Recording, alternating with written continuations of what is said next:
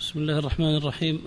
قال شيخ الإسلام رحمه الله تعالى وكلام السلف في هذا الباب موجود في كتب كثيرة لا يمكن أن نذكر هنا إلا قليلا منه.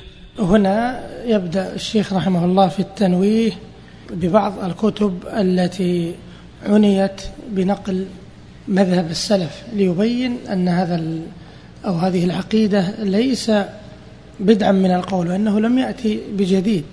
وسينقل كلام كثير من السلف وربما ينقل من بعض من وقعوا في بعض التأويل من بعض الطوائف من الأشاعرة أو من غيرهم أو من بعض المتصوفة أو من عندهم شيء من التصوف ليبين أن هذه العقيدة هي العقيدة الصحيحة وأن القول الحق يقبل من أي أحد وأيضا يستدل على ما يريد بيانه من أقوال بعض الأئمة المعظمين عند من لا يقول بهذه العقيدة الصحيحة أو من عنده بعض الخلل أو التأويل. يبين أحيانا أن هذا الحق الذي يقرره قد قاله إمامك قد قاله متبوعك. مثل كتاب السنن للالكائي. ونقل من أئمة كثيرين من الشافعية مثل اللالكائي شافعي وابن بطة حنبلي والسنة لأبي ذر الهروي مالكي وغيرهم. اللالكائي آه، كتابه من أكبر الكتب من أعظم الكتب التي نقلت مذهب السلف بالإسناد. وأكثر هذه الكتب نقلت مذهب السلف بالإسناد. كتاب مطبوع من تقريبا الآن وصل إلى ربما تسع أو عشر مجلدات. مثل كتاب السنن للالكائي والإبانة لابن بطة والسنة لأبي ذر الهروي. والأصول لأبي عمر الطلمنكي. هذا مالكي أيضا نعم. وكلام أبي عمر بن عبد البر والأسماء والصفات للبيهقي. وقبل ذلك السنة للطبراني ولأبي الشيخ الأصبهاني ولأبي عبد الله بن منده ولأبي أحمد العسال الأصبهاني. وقبل ذلك السنة للخلال والتوحيد لابن خزيمة. وكلام أبي العباس بن سريج والرد على الجهمية لجماعة. وقبل ذلك السنة لعبد الله بن أحمد والسنة لأبي بكر بن الأثرم والسنة لحنبل وللمروذي. المروذي. صلى الله إليك. هناك المروزي والمروذي. المروزي نسبة إلى مرو وتنسب إليها العرب على غير قياس يقول مروزي هكذا. والنسبة إليها مروي. والمروذي نسبة إلى مرو الروذ من أصحاب الإمام أحمد. المروذي نسبة إلى مرو الروذ. والسنة لحنبل وللمروذي لا لجماعة لجماعة من الناس. نعم. ولي جماعة يعني مثل رد على الجهمية للإمام أحمد والرد على الجهمية لابن أبي حاتم والرد على الجهمية للبخاري. لجماعة يعني يحمل هذا المسمى. نعم. ولأبي داود السجستاني ولابن أبي شيبة والسنة لأبي بكر بن أبي عاصم وكتاب الرد على الجهمية لعبد الله بن محمد الجعفي شيخ البخاري. وكتاب خلق أفعال العباد لأبي عبد الله البخاري وكتاب الرد على الجهمية لعثمان بن سعيد الدارمي وكلام عبد العزيز المكي صاحب الحيدة في الرد على الجهمية وكلام نعيم بن حماد الخزاعي. وهذه حري طالب العلم أن يقتني مثل هذه الكتب الكتب واكثرها مطبوع. وكلام الإمام أحمد بن حنبل وإسحاق بن راهويه ويحيى بن يحيى النيسابوري وأمثالهم. وقبل هؤلاء عبد الله بن المبارك وأمثاله وأشياء كثيرة. يعني في هذا الباب من المؤلفات أو من الأقوال المأثورة عن السلف. وعندنا من الدلائل السمعية والعقلية ما السمعية يعني الواردة من الكتاب والسنة يقال السمعية يقال النقلية. نعم. والعقلية الأدلة العقلية التي يناقش ويحاور بها هؤلاء ويرد بها على هؤلاء. وعندنا من الدلائل السمعية والعقلية ما لا يتسع هذا الموضع لذكره وأنا أعلم أن المتكلمين لهم شبهات موجودة لكن لا يمكن ذكرها في الفتوى. فمن نظر فيها وأراد إبانة ما ذكروه من الشبه فإنه يسير. نعم. وإذا كان أصل هذه المقالة فصل في تعرض العقل والنقل وفي منهاج السنة وفي نقض التأسيس. يعني فصل هذا الكلام وما يريد أن يقوله. وإذا كان أصل هذه المقالة مقالة التعطيل والتأويل ماخوذا عن تلامذة المشركين والصابئين واليهود فكيف تطيب نفس مؤمن بل نفس عاقل أن يأخذ سبل هؤلاء المغضوب عليهم والضالين ويدع سبيل الذين أنعم الله عليهم من النبيين والصديقين والشهداء والصالحين. فصل. ثم القول الشامل في جميع هذا الباب. أن نعم. يوصف الآن سيذكر مجمل مذهب أهل السنة والجماعة في باب الأسماء والصفات. لأن هذا فصل بعد أن قرر خطأ وبطلان. الكلمة التي مرت مذهب السلف أسلم ومذهب الخلف أعلم وأحكم وبين في استعراض تاريخي أصل مقالة التعطيل ونوه ببعض الكتب التي تحدثت عن منهج السلف وردت على المعطلة والجهمية وغيرهم. الآن يبين لك مجمل مذهب واعتقاد أهل السنة والجماعة في باب أسماء الله وصفاته. ثم القول الشامل في جميع هذا الباب أن يوصف الله بما وصف به نفسه أو بما وصفه به رسوله صلى الله عليه وسلم وبما وصفه به السابقون الأولون لا يتجاوز القرآن والحديث. قال الإمام أحمد رضي الله تعالى عنه لا يوصف الله إلا بما وصف به نفسه أو بما وصفه به رسوله صلى الله عليه وسلم. لا يتجاوز القرآن والحديث. لأن أسماء الله وصفاته توقيفية. نعم ومذهب السلف أنهم يصفون يعني مذهب السلف دائر بين الإثبات والنفي والتوقف. الإثبات إثبات ما أثبته الله لنفسه أو أثبته له رسوله عليه الصلاة والسلام ونفي ما نفاه الله عن نفسه في كتابه على لسان رسوله صلى الله عليه وسلم والتوقف فيما لم يرد إثباته ولا نفيه. يستفصلون بالألفاظ المجملة إن كان معناها حقا قبلوه وإن كان باطلا ردوه ويتوقفون في اللفظ. ويستعملون بدلا عن اللفظ الشرعي كما في كلمة الجهة وغيرها. ومذهب السلف أنهم يصفون الله بما وصف به نفسه وبما وصفه به رسوله صلى الله عليه وسلم من غير تحريف ولا تعطيل ومن غير تكييف ولا تمثيل. نعم هذا هو مذهب أهل السنة والجماعة أنهم يصفون الله عز وجل بما وصف به نفسه. في كتابه وعلى لسان رسوله صلى الله عليه وسلم من غير تحريف. تحريف من قولك حرفت الدابة يعني غيرتها عن وجهتها. والتكييف حكاية الكيفية كأن تقول يد الله طويلة يد الله كذا وكذا. والتمثيل سيأتينا الحديث عنه إن شاء الله وعن التعطيل لأنهما قريبان من بعض. يعني ليس قريبان مثل بعض إنما هم هما متضادان. التمثيل والتعطيل يعني لكن قريبان في المبحث. نعم. ونعلم أن ما وصف الله به من ذلك فهو حق ليس فيه لغز ولا أحاجي. بل نعم. معناه أن ما وصف الله به نفسه نعم عاد العبارة. أحسن الله عليك. ليس فيه. ونعلم أن ما وصف الله به من ذلك ما وصف الله به نفسه. نعم. وما وصف الله به. ما وصف الله به من ذلك.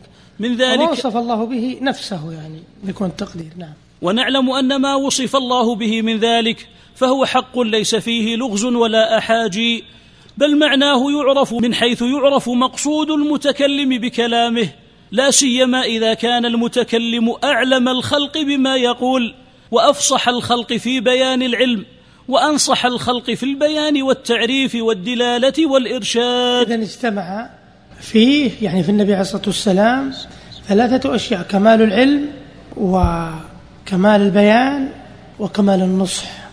كمال العلم وكمال البيان وكلام النصح كمال النصح. وهو سبحانه مع ذلك ليس كمثله شيء لا في نفسه المقدسة المذكورة بأسمائه وصفاته ولا في أفعاله. فكما يتيقن أن الله سبحانه له ذات حقيقية وله أفعال حقيقية فكذلك له صفات حقيقية وهو ليس كمثله شيء لا في ذاته ولا في صفاته ولا في أفعاله. نعم. وكل ما أوجب نقصا أو حدوثا حدوث يعني ما سبق بعدم. إذا قيل لك الحدوث هو المسبوق بعدم. نعم. وكل ما أوجب نقصا أو حدوثا فإن الله منزه عنه حقيقة فإنه سبحانه مستحق للكمال الذي لا غاية فوقه ويمتنع عليه الحدوث لامتناع العدم عليه واستلزام الحدوث سابقه العدم والافتقار المحدث إلى محدث. المحدث يعني المخلوق. نعم.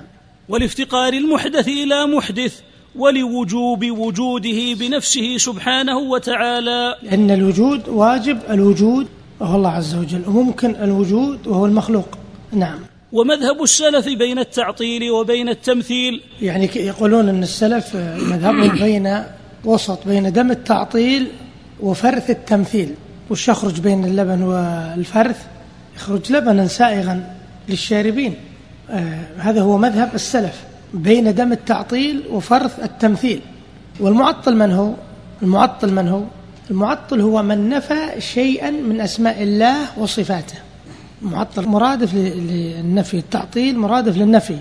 المعطل هو النافي. المعطل هو من نفى شيئا من أسماء الله وصفاته. وهناك التعطيل الكلي كتعطيل الجهمية. حيث ينكرون الأسماء والصفات وهناك تعطيل جزئي كتعطيل المعتزلة ينكرون الأسماء وتعطيل شاعرة ينكرون بعض الصفات. والممثل من هو؟ من أثبت الصفات لله ممثلا لها بخلقه. من أثبت الصفات لله ممثلا لها بخلقه. كمتقدمي الرافضة. والسلف يقولون المعطل عابد عدم. والممثل صنم. عابد صنم. وحقيقة الأمر كما سيأتي أن كل معطل ممثل وكل ممثل معطل. كل معطل ممثل وكل ممثل معطل. أما المعطل وجه تمثيله ما وجه تمثيل المعطل؟ وجه تمثيله المعطل وجه تعطيله ظاهر. الذي مثلا يقول الله عز وجل ليست له يد ولا وجه ولا كلام هذا معطل وجه تعطيله ظاهر. طيب ما وجه تمثيله؟ وجهه أنه إنما عطل لاعتقاده أن إثبات الصفات يستلزم التشبيه والتمثيل. نعم فأخذ ينفي الصفات فرارا من ذلك فمثل أولا وعطل ثانيا.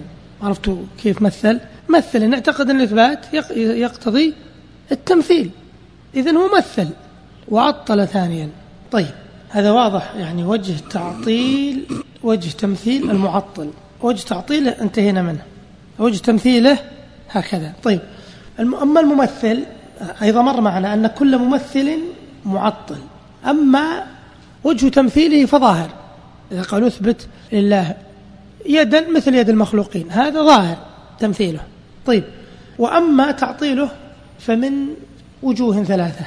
أحدها أنه عطل نفس النص الذي ثبتت به الصفة. عطل النص حيث صرفه عن مقتضى ظاهره وما يدل عليه. فإن النص دال على إثبات صفة تليق بالله. لا على مشابهة الله لخلقه. هذا وجه من أوجه تعطيل الممثل.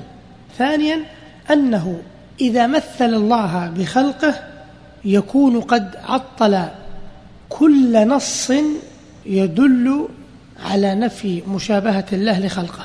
هناك نصوص ليس كمثله شيء لم يكن له كفوا أحد. هل تعلم له سمية؟ عطلها. نعم بتمثيله. الثالث أنه إذا مثل الله بخلقه يكون قد عطله عن كماله الواجب حيث شبه الرب الكامل من جميع الوجوه بالمخلوق الناقص. إذا هذا معنى قول السلف كل ممثل معطل وكل معطل ممثل. سيبينها الشيخ رحمه الله. نعم. ومذهب السلف بين التعطيل وبين التمثيل فلا يمثلون صفات الله بصفات خلقه كما لا يمثلون ذاته بذات خلقه ولا ينفون عنه ما وصف به نفسه أو وصفه به رسوله صلى الله عليه وسلم. فيعطلون أسماءه الحسنى وصفاته العلى ويحرفون الكلم عن مواضعه ويلحدون في أسماء الله وآياته. نعم. والإلحاد يدخل فيه التعطيل ويدخل فيه التمثيل يدخل فيه التكييف ويدخل فيه التأويل. كلها داخلة في الإلحاد لأن الإلحاد في اللغة هو الميل وفي الاصطلاح الميل عما يجب اعتقاده أو عمله. وفي أسماء الله وصفاته الميل بها عن معانيها الصحيحة أو صرفها عن معانيها الصحيحة. يدخل فيه كل هذه الأمور. نعم. وكل واحد من فريقي التعطيل والتمثيل فهو جامع بين التعطيل والتمثيل. أما المعطلون فإنهم لم يفهموا من أسماء الله وصفاته إلا ما هو اللائق بالمخلوق. ثم شرعوا في نفي تلك المفهومات فقد جمعوا بين التمثيل والتعطيل. مثلوا اولا وعطلوا اخرا وهذا تشبيه وتمثيل منهم للمفهوم من اسمائه وصفاته بالمفهوم من أسماء خلقه وصفاتهم. نعم والأولى يعني لفظة التمثيل لكن يقولون أحيانا التشبيه يريدون به التمثيل. وإلا ما في القرآن نفي التشبيه إنما فيه نفي التمثيل. لأن التمثيل مشابهه من جميع الوجوه التمثيل من جميع الوجوه. أما التشبيه فمن وجه دون وجه. مثلا الله عز وجل سمى نفسه سميعا وسمى خلق الإنسان سميعا بصيرا. إنا خلقنا الإنسان من نطفة أمشاج نبتلي فجعلناه سميعا بصيرا. إذا هناك تشابه بالمسمى العام وهذا يسمى تسمى مسألة القدر المشترك بين أسماء الله وأسماء المخلوقين. قدر مشترك وفاصل مميز. والله عز وجل سمى نفسه حيا وسمى المخلوق حيا. يخرج الحي من الميت ويخرج الميت من الحي. الله لا إله إلا هو الحي القيوم. لكن ليست الحياة كالحياة وليس السمع كالسمع وليس البصر كالبصر. إذا هناك مشابه في مطلق الاسم. ولله المثل الأعلى مثل التشابه بين ما في الجنة من الخمر والعسل وغيرها. ما في الدنيا مما في الآخرة كما يقول ابن عباس إلا الأسماء. إذا هناك تشابه في المسمى العام لماذا؟ لتقريب المعنى وفهم الخطاب. إذا الذي ينفى في القرآن هو التمثيل. لكن قد يرد أحيانا أو يورد بعض العلماء التشبيه يريد به التمثيل. نعم. وهذا تشبيه وتمثيل منهم للمفهوم من أسمائه وصفاته بالمفهوم من أسماء خلقه وصفاتهم وتعطيل لما يستحقه هو سبحانه من الأسماء والصفات اللائقة بالله سبحانه وتعالى. فإنه إذا قال القائل لو كان الله فوق العرش للزم إما أن يكون أكبر من العرش أو أصغر أو مساويا وكل ذلك محال ونحو ذلك من الكلام فإنه لم يفهم من كون الله على العرش إلا ما يثبت لأي جسم كان على أي جسم كان. وهذا اللازم تابع لهذا المفهوم. أما استواء يليق بجلال الله ويختص به فلا يلزمه شيء من اللوازم الباطلة التي يجب نفيها. يذكرون أن ابن فورك كان قد تناظر مع بعض العلماء عند أظن محمود بن سبكتكين قائد فيسمع هذا القائد عامي على فترته فقال يلزم من الاستواء كذا وكذا. تناظر مع عالم فقال هذا على فترته ما يلزمني شيء ألزم ربك أنت أنا ما يلزمني شيء. وهو رد محكم يعني بفطرة يقول يلزم أن يكون كذا وكذا. فقال هذا أنا ما, يلزمنا شيء. الله عز وجل قال أنه مستوي. ألزم ربك. أظن يذكرون أنه ما عاش بعد هالأيام. يقول أنه أصابها شيء من الغم هذا ثم مات. بعده. يعني لأنها يعني رد فطري. إذا قال يلزم من تلزم؟ الله عز وجل يقول الرحمن العرش يستوى انتهت المسألة. نعم. وصار هذا مثل قول الممثل إذا كان للعالم صانع فإما أن يكون جوهرا أو عرضا. نعم. الجوهر يعني هذا أيضا من الألفاظ التي يريدها المتكلمون. الجوهر خلاف العرض. الجوهر يقولون ما كان قائما بنفسه والعرض ما كان قائما بغيره. نعم هذا هذا مما قيل بين الجوهر والعرض. العرض ما كان قائما بغيره أو ما لا ثبات له هذا العرض. يعرض ثم يزول. ف يقولون إما أن يكون جوهرا أو عرضا وكلاهما محال. هذه يقول لأن الأعراض لا توصف إنما الأعراض تقوم بغيرها والأعراض قد توصف. مثل عندنا الليل الليل عرض ومع ذلك يوصف. تقول ليل طويل والبرد عرض تقول برد قارس. نعم تفضل. فإما أن يكون جوهرا أو عرضا وكلاهما محال إذ لا يعقل موجود إلا هذان. أو قوله إذا كان مستويا على العرش فهو مماثل لاستواء الإنسان على السرير أو الفلك. إذ لا يعلم الاستواء إلا هكذا فإن كليهما مثل وكليهما عطل حقيقة ما وصف الله به نفسه وامتاز الأول بتعطيل كل مسمى للاستواء الحقيقي وامتاز الثاني بإثبات استواء هو من خصائص المخلوقين. يعني الأول معطل والثاني ممثل. ثم رجع للعلو ثاني نعم. والقول الفاصل هو ما عليه الأمة الوسط. الأمة الوسط الأمة العدل الأمة الخيار. وكذلك جعلناكم أمة وسطا. الوسط بتحريك السين هم العدول والخيار. والوسط هو ما كان بين شيئين. الوسط مكانا. نعم. من أن الله مستو على عرشه استواء يليق بجلاله ويختص كذا. نعم أحسن عليك. أن الله مستو على عرشه استواء يليق بجلاله ويختص به فكما أنه موصوف بأنه بكل شيء عليم وعلى كل شيء قدير وأنه سميع بصير ونحو ذلك ولا يجوز أن يثبت للعلم والقدرة خصائص الأعراض التي كعلم المخلوقين وقدرتهم فكذلك وسبحانه فوق العرش ولا يثبت لفوقيته خصائص فوقية المخلوق على المخلوق وملزوماتها. نعم ملزوماتها لو أكبر أو أصغر أو أقل. نعم. واعلم أن ليس في العقل الصريح ولا في النقل الصحيح ما يوجب مخالفة الطريقة السلفية أصلا. طريقتي. نعم. ما يوجب مخالفة الطريقة السلفية أصلا. يعني في هذا الموضوع وفي غيره. يعني العقل يدل على صفات على إثبات صفات الكمال لله عز وجل. وجه ذلك أن يقال إن كل موجود يعني وجه دلالة العقل على إثبات الصفات. أن يقال إن كل موجود في الخارج يعني في الحقيقة يعني في الواقع لا بد أن يكون له صفة. إما صفة كمال أو صفة نقص والثاني باطل بالنسبة إلى الرب الكامل المستحق للعبادة. ولذلك قال عز وجل في بيان بطلان الآلهة لأنها بين أنها لا تسمع ولا تبصر. ولا تضر ولا تنفع ولا تخلق. فإذا بطل الثاني اللي هو صفات النقص تعين الأول وهو إثبات صفات الكمال لله عز وجل. ثم إنه قد ثبت للمخلوق صفات كمال ومعطي الكمال أولى به. هذا يسمى قياس الأولى. نعم. والعقل الصريح ما هو؟ ها العقل الصريح ما هو؟ هو السالم من الشبهات والشهوات. والنقل الصحيح هو السالم من العلل والقوادح. نعم. لكن هذا الموضع لا يتسع للجواب عن الشبهات الواردة على الحق. فمن كان في قلبه شبهة وأحب حلها فذلك سهل يسير. سهل يسير يعني في حياته يعني ممكن لكن آه، بعد وفاته يعني ممكن يرجع لأنه بسط هذا الكلام في كتب كتب أخرى. نعم. ثم المخالفون للكتاب والسنة وسلف الأمة من المتأولين لهذا الباب في أمر مريج. يعني أمر مريج يعني ملتبس ومختلط.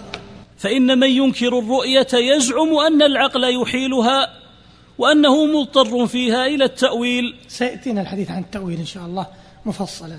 نعم. ومن يحيل أن لله علما وقدرة وأن يكون كلامه غير مخلوق ونحو ذلك يقول إن العقل أحال ذلك فاضطر إلى التأويل. بل من ينكر حقيقة حشر الأجساد؟ يعني الآن أشار إلى طبقة من المتأولين في أسماء الله وصفاته اللي هم أهل الكلام. ثم إلى من يؤولون نصوص المعاد الفلاسفة والباطنية والقرامطة هؤلاء أشد لأنهم تسلطوا على المتكلمين قال أنتم أولتم آه، صفات الله عز وجل. نحن نؤول.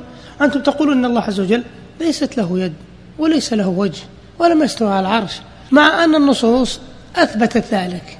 قال المتكلمون العقل ينفيها. طيب نحن عقلنا أيضا ينفي المعاد وينفي النصوص الدالة على الجنة والنار. فنحن عقولنا تقول هذه أمثلة مضروبة فقط لضبط العوام ولا ما في حقيقة لا جنة ولا نار. ما الفرق بين تأويلنا وتأويلكم؟ لاحظوا كيف تسلطوا عليهم. نعم. بل من ينكر حقيقة حشر الأجساد والأكل والشرب الحقيقي في الجنة. يزعم أن العقل أحال ذلك وأنه مضطر إلى التأويل. نعم. ومن زعم أن الله ليس فوق العرش يزعم أن العقل أحال ذلك وأنه مضطر إلى التأويل. ويكفيك دليل على فساد قولها دليلا يكفيك دليلا. أحسن الله إليك. ويكفيك دليلا على فساد قول هؤلاء. أن ليس لواحد منهم قاعدة مستمرة فيما يحيله العقل بل منهم من يزعم أن العقل جوز أو أوجب ما يدعي الآخر أن العقل أحاله. فيا ليت شعري بأي عقل يوزن الكتاب والسنة. يعني يا قالوا يا ليت شعري يعني يا ليت علمي. يعني الشعر يعني من الشعور وهو العلم. وهي كلمة ترد مثل ألا ليت شعري هل أبيتن ليلة بواد وحولي إذخر وجليل. كما يقول لما صابتهم حمى يثرب يقول بلال وهل أردا يوما مياه مجنة, مجنة وهل يبدو لي راية وطفيل؟ وهذا معروف ألا ليت شعري. نعم. شيخ العبارة اللي قبل ويكفيك دليل؟ دليلا. يكفيك تمييزه ما هو هو فاعل إنه يكفي؟ لا كفى بالله عليما. نعم. أحسن الله إليك. هو فاعل في المعنى. نعم.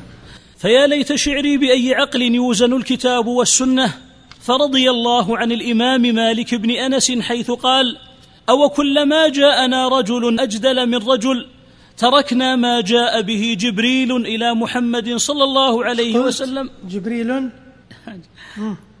أو كلما جاءنا رجل أجدل من رجل تركنا ما جاء به جبريل إلى محمد صلى الله عليه وسلم لجدل هؤلاء.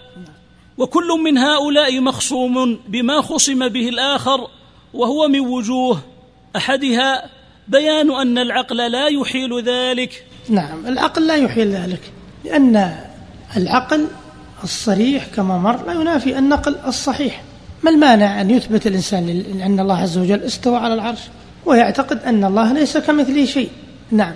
الثاني أن النصوص الواردة لا تحتمل التأويل. مثل وكلم الله موسى تكليما. أكد الفعل.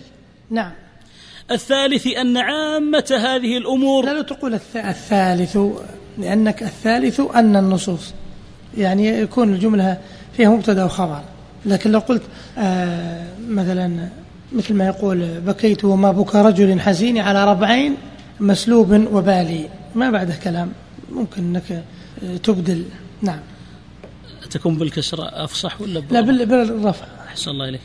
الثالث أن عامة هذه الأمور قد علم أن الرسول صلى الله عليه وسلم جاء بها بالاضطرار كما علم أنه جاء بالصلوات الخمس وصوم شهر رمضان. نعم هو يقارن بين تأويل المتكلمين وتأويل الباطنية والفلاسفة والقرامطة أن هؤلاء يؤولون نصوص المعاد يؤولون حتى الأعمال يؤولون الصلاة كما سيأتينا. والزكاة والحج. نعم. فالتأويل الذي يحيلها عن هذا بمنزلة تأويلات القرامطة والباطنية في الحج والصوم والصلاة وسائر ما جاءت به النبوات. نعم. ال- القرامطة من من هم القرامطة؟ نسبة إلى من؟ يقال لهم القرامطة ويقال لهم أحيانا الباطنية. ويقول في التدمرية يقول لكنهم يعني أهل الكلام من أهل المجهولات المشبهة بالمعقولات. يسفسطون في العقليات ويقرمطون في السمعيات. وش معنى هذه العبارة؟ هي نفس الكلام الذي يدور حول كلامنا. ما معنى يسفسطون في العقليات؟ السفسطة هي لفظ معرب مركب في اليونانية من كلمتين. آه، سوفيا وهي الحكمة وأسطس وهي التمويه. يعني ما معنى السفسطة؟ يعني حكمة مموهة. المقصود شيخ الإسلام أنهم يسفسطون في العقليات. يبين أنهم يغالطون في الأمور العقلية الواضحة. المتكلم أن المتكلمين يغالطون في الأمور العقلية الواضحة. فكل من أنكر حقا واضحا وموه فيه بالباطل فهو مسفسط. والقرمطة يعني كما في لسان العرب القرمطة في الخط تداني الحروف وفي المشي مقاربة الخطى. أما في الاصطلاح فهو نسبة إلى القرامطة الباطنية. سموا بذلك كما ذكر ابن الجوزي في تلبيس إبليس لأحد سببين. الأول أن داعية لهم من ناحية خوزستان قدم سواد الكوفة ونزل على رجل يقال له كرميته لحمرة بعينيه سمي بذلك لحمرة في عينيه. فسمي الداعية باسم الذي كان نازلا عليه. ثم خفف فقيل قرمط. يعني نسبة إلى رجل يقال له كرميتة. ثم خفف فقيل قرمط. هذا السبب تسميتهم. والثاني أنه نسبة إلى حمدان قرمط. الذي يقول عنه صاحب الفرق بين الفرق البغدادي. يقول لقب بذلك لقرمطة في خطه أو خطوة. في خطه تداني حروفه أو خطوة خطها قريبة من بعض. والقرامطة باطنية يأتينا الكلام عن الباطنية. باطنية يقولون من الباطنية؟ طيب الباطنية من الباطن والباطن ضد الظاهر بطن وظهر بطن وظهر. طيب الباطنية من هم؟ الباطنية هم الذين يقولون إن لنصوص الشرع ظاهرا وباطنا.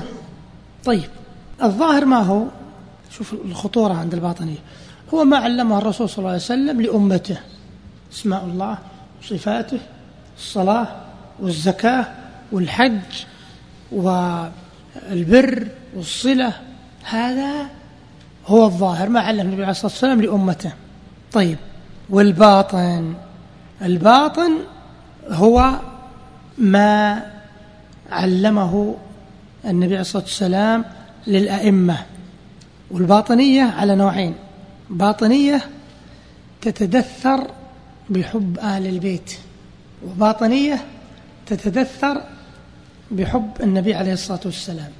نبين هذه ثم يعني نختم الدرس. طيب الباطنية التي تتدثر بحب آل البيت يزعمون أن لنصوص الشرع ظاهرا وهو ما علمه النبي عليه الصلاة والسلام لأمته. وباطنا هو ما علمه عليا وبلغه علي رضي الله عنه سرا إلى الأئمة من بعده. طيب الباطنية هؤلاء أول جميع النصوص التي أجمع المسلمون على الإيمان بها والباطنية فرق من الإسماعيلية والنصيرية والدروز والبهائية والبابية هؤلاء من فرق الباطنية. طيب مثلا عندهم الصلاة تعدد خمسة فقط الحسن والحسين وعلي وفاطمة ومحسن هذه الصلوات الخمس. طيب والحج هو قصد الأئمة والصوم هو حفظ الأسرار. ما في دين. وكذلك يؤولون الطهارة وغيره كما يقول شاعر علي بن الفضل وهو باطني في القرن الرابع. انظروا. يقول يبين حقيقة مذهبه والعرب تخاطب المرأة في شعرهم. يقول خذي الدف يا هذه واضربي وغني هزاريك ثم اطربي. لكل نبي مضى شرعة وهذه شريعة هذا النبي. تولى نبي بني هاشم وهذا نبي بني يعرب. فقد حط عنا فروض الصلاة وفرض الصيام فلم نتعب. إذا الناس صلوا فلا تنهضي. وإن صوموا فكلي واشربي ولا تطلب الحج عند الصفا ولا زورة القبر في يثرب. ثم ينتقل الإباحية ونكاح المحارم. ولا تمنعي نفسك المعرسين من الأقربين أو الأجنبي بماذا حللت لهذا الغريب؟ وصرت محرمة للأب. أليس الفراس لمن ربه وغذاه في الزمن المجدب؟ وما الخمر إلا كماء السماء أبيحت فقدست من مذهبي. إذا هذا هذه هي الباطنية. يؤولون هذه النصوص. نعطيكم أمثلة قليلة عليها لكن الباطنية الثانية هي التي تتدثر بحب النبي عليه الصلاة والسلام. وتقول أن الدين ينقسم إلى حقيقة والشريعة الشريعة هي الأعمال التكليفية الصيام والحج اللي يقوم بها العوام حتى ينضبطوا. طيب والحقيقة؟ خلاص الإنسان يصل إلى مرتبة من الولاية تعدى الخامسة عشرة وحال على التقاعد. وخلاص ما عاد يصلي ما له حاجة بالصلاة. خلاص وصل للحقيقة. وهذه عند المتصوفة كما يقول عبد الكريم الجيلي آه، وأسلمت نفسي حيث أسلمني الهوى. وما لي ومن أهل وحدة الوجود. وما لي عن حكم الحبيب تنازع. فطورا تراني في الكنائس راتعا وأني طورا في المساجد راكع. يعني يوم بالكنيسة يوم ما في شيء. لئن كنت في حكم الشريعة عاصيا. فإني في حكم الحقيقة طائع. أبد ما عصيت يعني. هذا وش تسمى هذه باطنية من نوع آخر وهي تقسم الدين إلى حقيقة وإلى شريعة. لو نظرت في كتب مثلا الباطنية مثلا في بعض التفسيرات المعتمدة عند الشيعة تجد التأويل الباطني يعني يصل إلى شيء يعني يضحك. ألفاظ ليس لها مستند لا من عقل ولا من شرع. ولا من عرف حتى. هذه التأويلات يسند معظمها إلى جعفر الصادق رحمه الله. وهي في الحقيقة طعن مبطن في الآل. يعني لو آه، نقرأ عليكم بس ننهي الدرس. يكفي بس يعني سردها. مثلا في ما ورد في كتاب الله من آيات تتحدث عن القرآن يفسرونها بالأئمة. قوله سبحانه وتعالى فآمنوا بالله ورسوله والنور الذي أنزلنا. يقولون النور الأئمة. إن هذا القرآن يهدي للتي هي أقوم. يقولون يهدي إلى الإمام يفسرون ما ورد في القرآن من لفظ النور بالأئمة. مثل نوره كمشكاة الأئمة. والله نور السماوات والأرض مثل نوره كمشكاة فاطمة عليه السلام. المشكاة فيها مصباح الحسن المصباح في زجاجة الحسين. الزجاجة كأنها كوكب دري فاطمة. طيب. يوقد من شجرة مباركة إبراهيم عليه السلام. زيتونة لا شرقية ولا غربية لا يهودية ولا نصرانية. يعني هذه ممكن. يكاد زيتها يضيء يكاد العلم ينفجر. ماشي. ولو لم تمسسه نار نور على نور إمام بعد إمام. يهدي الله لنوره من يشاء يهدي للأئمة من يشاء. ومن لم يجعل له, له نورا فما له من نور يعني ما له من إمام. طيب. يؤولون ما جاء في عبادة الله وحده واجتناب الطاغوت بولاية الأئمة والبراءة من أعدائهم.